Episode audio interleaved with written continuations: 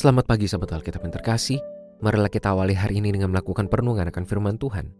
Bacaan Alkitab kita pada hari ini berasal dari surat Roma pasal yang ke-7 ayat 21 sampai 26.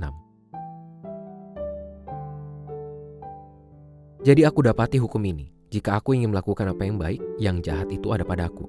Sebab di dalam batinku aku suka akan hukum Allah, tetapi di dalam anggota-anggota tubuhku, aku melihat hukum lain yang berjuang melawan hukum akal budiku dan membuat aku menjadi tawanan hukum dosa yang ada di dalam anggota-anggota tubuhku.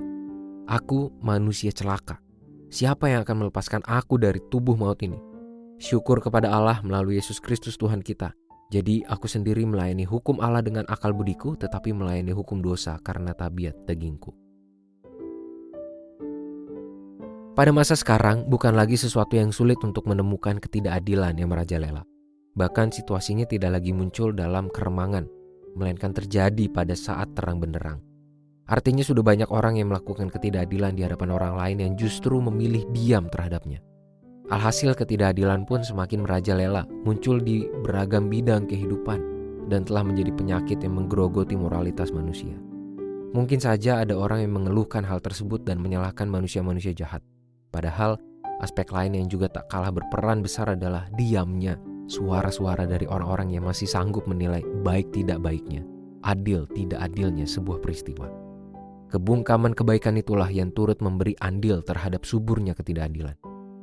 Paulus juga mengingatkan jemaat bahwa kejahatan selalu mencari celah dan muncul di tengah pengetahuan kita terhadap kebaikan.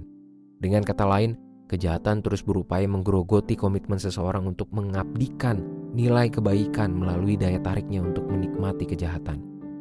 Pada hari kemarin kita sudah merenungkan pesan firman Tuhan mengenai pentingnya menindaklanjuti pengetahuan tentang nilai-nilai firman Tuhan menjadi kenyataan dalam hidup keseharian.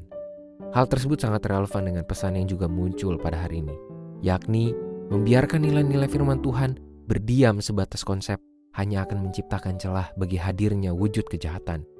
Itulah mengapa setiap umat Tuhan memiliki tanggung jawab iman yang besar sebagai manusia-manusia yang mendapatkan akses terhadap pesan-pesan firman Tuhan.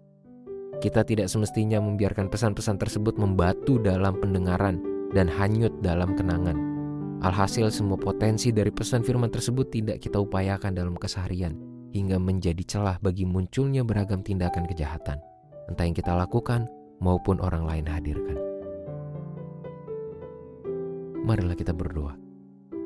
Tuhan firman-Mu pada hari ini telah mengingatkan kami bahwa membiarkan pesan-pesan firman-Mu, nilai-nilai kekudusan, justru menjadi langkah untuk membuka pintu hadirnya beragam potensi kejahatan di dalam kehidupan kami. Oleh sebab itu Tuhan, tolong kami untuk menjadi umat yang selalu berkomitmen dan siap sedia melakukan firman-Mu sebagai kenyataan dalam kehidupan kami. Hanya dalam nama Tuhan kami Yesus Kristus kami berdoa dan menyerahkan kehidupan kami. Amin.